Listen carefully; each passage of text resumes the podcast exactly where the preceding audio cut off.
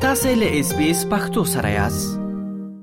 خغلی سرتاج شینواره صاحب ډیره زیاته مننه چې له اس بي اس پختو خبرونه سره خبرې کوي اول خو تاسو سره مې شوم السلام علیکم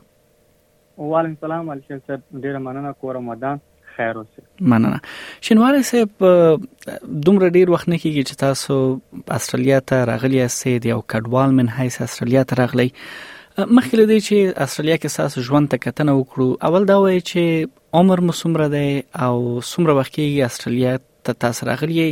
او افغانستان کې مو څه کول زده کړه مو کولې کار مو کاوه سپورت مو کاوه خپل ځان برکه اوس معلومات راکړئ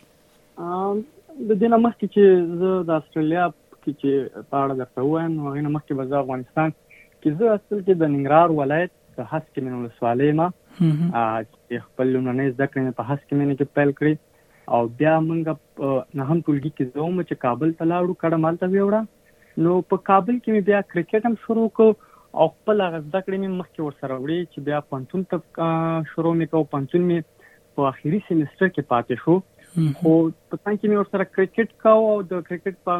بس کې مې ډېر ټرایلونه ورکړو چې د افغانستان انډر 19 پس بالرانو ته مې ټرایل ورکړو او هغه ټرایل چې کوم ټارګټ سپیسیفیک ټارګټ او هغه مې چې وښتم او بدبختانه هغه ټرایل لپاره سلیکټ نشوم شاید یا زه به هغه ټرایل ورنوم او یا د ناپاکي ادارې لوجه بیا موږ استرالیا ته راغلو چې کوم وخت یلته مطلب کوم مرته ګډوډي راغله بیا په مګه کې موږ استرالیا ته راغلو چې خپل حال می په استرالیا کې تقریبا نور دوه کاله پوره کیږي او دلته چې کله راغلم لومړی ځل می د یو کرکټ کلب چې د همټن پارک په نامه یادېږي صحیح شینواره صاحب زه به ډېر قصې هم دې باره کې لرم دا نو سوال کوم بیرته افغانستان ته راشو شینواره صاحب تاسو افغانستان کې زده کړې کولې ول افغانستان کې مو څه زده کړې وکړې په کوم برخو کې مو زده کړې وکړې او بل چې دغه کرکټ چې تاسو د ټرایل خبره کوله چې تاسو ولته باید ازمویل شوی وي چې آیا ملي ټیم ته تاسو ونیول شي کنه سو ظلم د ټرایلونه ورکړه په کوم وختونو کې مو ورکړ او آیا بیا هم تاسو هیله وی یا تاسو خپل هیله لاس ورکړي بیا ټرایل ورکول نه مو یعنی لاس واخیس نه هیله کوم وی کوم وخت چې د افغانستان د انډر 19 فاست بالرانو ټرایل نو ما په ما وخت کې یو ټرایل ورکړ خو سلیکټ نشوم د ټرایل لپاره بیا مې د افغانستان کوم رمضان جام کپ چې دی هغه کې مې سیالیان لوبې وکړې او په څنګ کې مې ورسره زده کړې د اقتصاد پونځه بخش کې وم چې یو سمستر مې پاتې شو بیا مطلب مهاجر شوم استرالیا ته صحیح دوه کال کېږي شنواره صاحب چې تاسو استرالیا ته راغلی یې استرالیا یعنی افغانستان چې کله چې پخوانی حکومت ونړېده نو خلک ول بیلابیلو هیوادونو ته د غوي مخې شوي ساسو قسمت څنګه استرالیا ته شوای استرالیا ته د ساسو خپل انتخاب وو یا کورنۍ غړي مدل تول څنګه استرالیا ته راغلی نه استرالیا کې مې مخکې اته کال مخکې مې ورور راغله استرالیا ته نو دا مغه واسطه باندې بیا ټول فامیل سپانسر شو دا مغه لارې نه بیا اول پاکستان ته لاړو پاکستان نه بیا استرالیا ته راغلم ډیر ښه دوه کال کېږي تاسو شینوار صاحب چې په استرالیا کې ژوند کوي اول خدا وایي چې په استرالیا کې د ژوند پیلول تاسو لپاره اسانه او سخت او او یا یو نورمال شی وو په لومړي سر کې حتما یو څه تاثیرات یو ځکه چې هغه کوم کلچر او د غیزي ژوند او د دې ژوند بدلون ډیر زیاتو په لومړي سر کې یو څه تاثیرات او مشکلات خو الحمدلله اوس رو رو بیا اوس الحمدلله نو ژوند بيخي خروان دی او ډیر توپیر لري تر دا او د افغانستان شنوار صاحب تاسو د کرکټ ذکر وکړ حتمان چې تاسو په پانتون کې زده کړې کولې نو دومره تاسو لیوالتیا له کرکټ سره لرله هلته مو ټرایلونه ورکول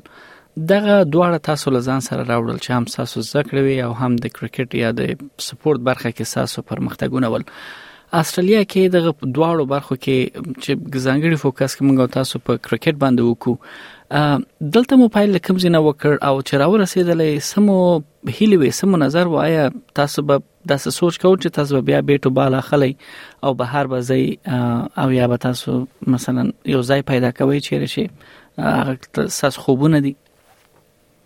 په رښتیا سره علي خیل صاحب چې کله زه استرالیا ته راغلم کوم کرکټ چې په افغانستان کې و نو هغه ذهن کې خو حتما زما دا و چې د استرالیا کرکټ خو ډېر غټ کرکټ دی شاید زه هلته کوم فرصت ونه لرم چې کرکټ ته مې ونیسي علومي سر کې څه ورخطا وم او پات شو تعلیم برخه همدا مې پلان مو چې ان شاء الله چې استرالیا ته لاړ شم خپل تعلیم به مخې ته وړم خو خیر هغه بدلون څه راغی هغه تعلیم مې مخکې بو نه کړی شو ځکه یو څه بخیر د فامیل مشکلات وو ځکه تاسو په خپل هم پته استرالیا کې باید کار مو سره څنګ کې وکړي او کرکټ کې بیا لومړی سټارټ دلته د یو خیر هغه کلب لګ لیولم ټیټو د همتن پارک کرکټ کلب چې دا غینه بیا سټارټ واخیست او لومړی لوبې مې دلته بیا شروع کړې صحیح دا همټن پارک چې تاسو یادوي کې د شی اوریدونکو تاسو له استرالیا نورو خارونو یا بهر څخه ووري دا په وکټوريا ایالت کې یو وړکې خارګوټه ده چې همټن پارک نوميږي لغې زنه تاسو دغه شروعات وکړل دا شروعات مو څنګه ول آیا تاسو لاړې بیټو بال مو واخیس د کلب سره یا چا معرفي کړی او دغه آشنایی مو څنګه و دلته خلک په انګلیسي ژبه خبرې کوي دا غوي سره دا خبره تاسو څنګه وي دا تجربه هم کلک شریک کړئ بلکل په لومړي سر کې د ژبې مې یو څه مشکلات وو، بیا دلته زمونږ یو خپل شینواری و چې هغه منډیوال و، کورنۍ ربط عامه ته مو بیا هغه خپل هم دغه کلب کې کرکټ کاو، بیا هغه ماته وویل چې راځه زه به دې یو کلب ته معرفي کړم نو کرکټ به دې دلته هم شروع کړې. بیا همغه سره چې لاړم بیا هغه کلب ته معرفي کړم او په اول سر کې حتما ژبې یو څه مشکلات مې لرود ځکه هغه کوم انګلیسي چې په افغانستان کې ولري دلته بیا څه فرق کوي خو بیا ما رو رو سلو سلو سره بیا هغه انګلیسي مې مراخه شو او هغه کرکټ په ما کوم کرکټ کلب کې چې دی لیول مې مرو رو های کېدو چې دا په وکټوريا د ملبورن په وکټوريا کې شتون لري او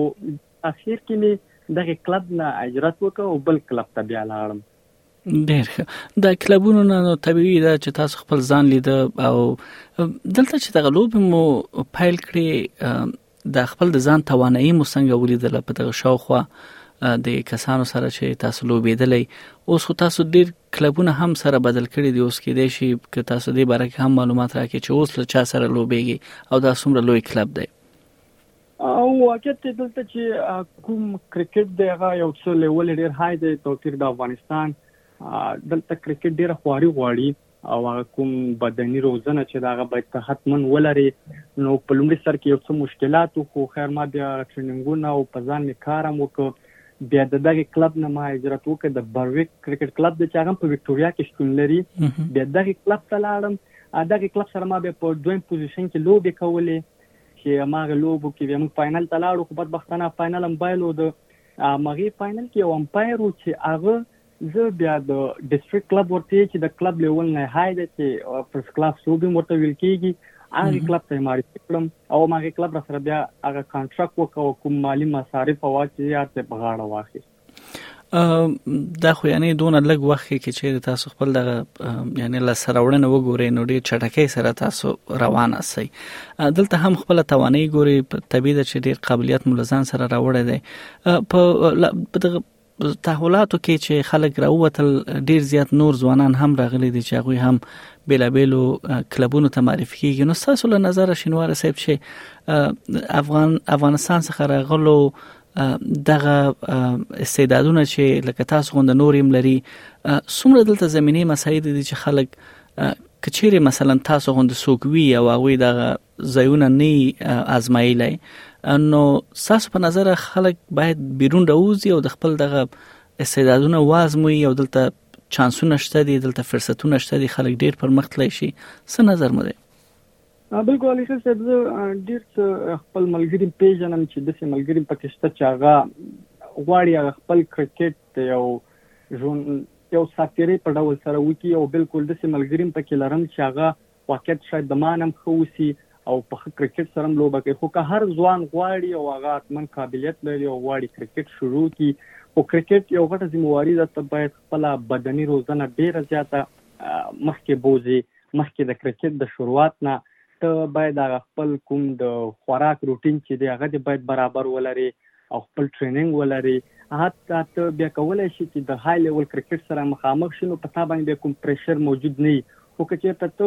غواړې او کرکټ هم وکړي او بیا کور کې هم خالي ناست نو هغه کرکټ دلته فرصت ډیر زیات دی یو څوک قابلیت ولري په واقعیت په استرالیا کې ډېر ښه فرصت ورکول کېږي، ښه های لیول ته رسېږي، خو که هغه کس وغواړي چې په ځان خواري وکړي. صحیح. بل شینواره صاحب تاسو خپل راتلونکی څنګه ګورئ په استرالیا کې د کرکټ په ډګر کې تر کوم ځایه غواړئ چې لاړ شئ؟ علي خیل صاحب د دې نه مخکې چې زه وایم چې ما کلب سره اوس جواین کړی دی د دې نه مخکې یو بل د ایم پی ایل کرکټ لیګ و چې هغه ډېر های لیول سره ملبرن وکټوریا کې شتون لرود ښه ارګنایز لرود الحمدلله ته تل ټیمونه وایي چې بیا زه د کرکټ طرف نه په وکټو کې بیسټ بالر هم راغلم کوم پرایز و هغه مې واخیست نو نظر خو مې دا دی چې دې نه بعد پریمر کرکټ دی نو امید لرم چې نیکسټ ییر کې به ان شاء الله پریمیر کرکټ ته خپل ټرایل ورکوم هغه د کانټراکټ په صفت باندې او هغه نه مخکې نو بیا ډیویژن کرکټ دی چې کرکټ نو های لیول دی نظر کوم دا دی او زړم چې ان شاء الله د استرالیا کوم ټیم چې دی هغه ته ځان ورسو په ځانم باور دی او نورم په ځان باندې باید کار وکړو ډیر ښه ډیر ښه لا ډیر زیات بریالیتوبونه تاسو غواړم زما به وروسته پښتنه شنوار صاحب له تاسو نه دا وی کې چیرې کرکټ نه وای نو تاسو ژوند به یا تاسو میشتدنې په دغه پروسه کې به سمره ستونزې وي او کرکټ دغه ټول حالت تاسو لپاره سمره تاسو روح او روان سره مرسته کړي علي شیر صاحب که چیرته کرکټ نه وای او یا ما کرکټ نه کولای نو البته بیا به مې خپل دغه روزمره کارونه کولای که استرالیا کې هر انسان یو خپل روزمره کار لري خو د کرکټ په څنګ کې د کرکټ یو ګټه دا ده چې کوم یو انسان چې غواړي او خو کرکټ وکي هغه حتمن فټي بدني صحت ډیر روغ جوړي او دا یو مینه ده مینه چې کله ته کرکټ سره ولري باید هغه مینه پرشتینی سره ولري نو کرکټ حتما انسان ته فائدہ ډیره لري بالکل بس تاسو لا ډیر خجوند لا ډیر خراتلونکې لا ډیر بری توبونه تاسو غواړم او پام دې هله چې لا ډیر وزلېږي مننه شنوار صاحب چې دغه لاند خبرې البته تاسو ژوند خو ډیر زیات سلري ولې یو سنه سم لمنګ سره شریک کړ خې شهر ولري د لا پامان نه علي خیل صاحب ډیره مننه کور ودان